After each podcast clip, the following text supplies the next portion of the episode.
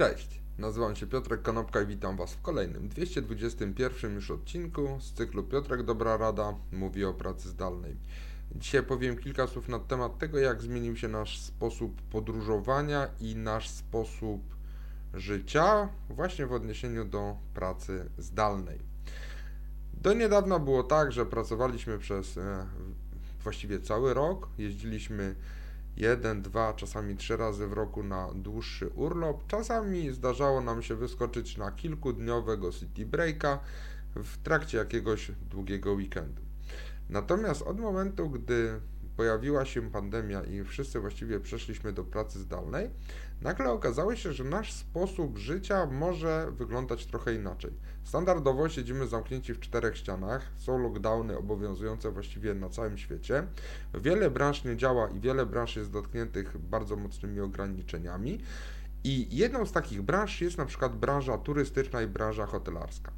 Branża turystyczna w ogóle szacuje, że standardowa czy standardowy model prowadzenia biznesu i poziomy dotyczące e, obrotów e, sprzed pandemii zostaną osiągnięte w granicach 2024 czy 2025 roku dopiero. Ale hotele nadal chcą zarabiać. I hotele zaczęły się zastanawiać, czy na przykład nie można zrobić takiej usługi dla osób chcących zmieniać lokalizację, e, żeby można było na przykład mieć abonament na usługi hotelowe i tak naprawdę za pokój w hotelu płacić trochę jak za Netflixa. To znaczy mamy abonament i wyjeżdżamy do tego hotelu na miesiąc.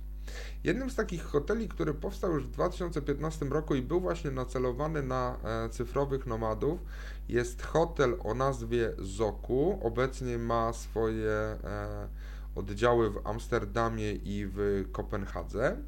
I ten hotel oferuje właśnie takie e, pomieszczenia o wielkości 24 metrów, takie lofty 24 czy 30 e, metrów i te pokoje kosztują od 80 do 100 euro za dobę. Ale oczywiście, jeżeli kupimy tego więcej, to te ceny będą spadały.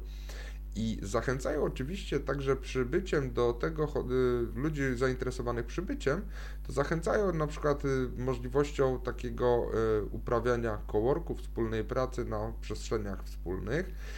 I bardzo dużo ludzi zaczyna się właśnie zastanawiać, żeby połączyć e, pracę z wypoczynkiem, czyli mówią o workation.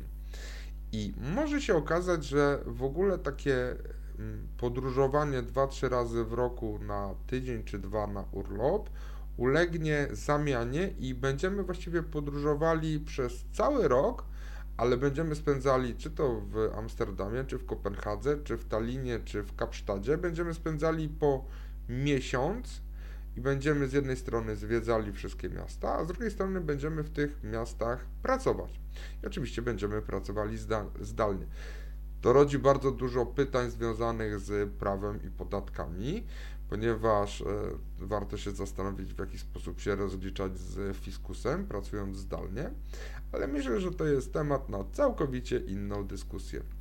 Dzięki serdeczne, do zobaczenia i usłyszenia jutro. Na razie.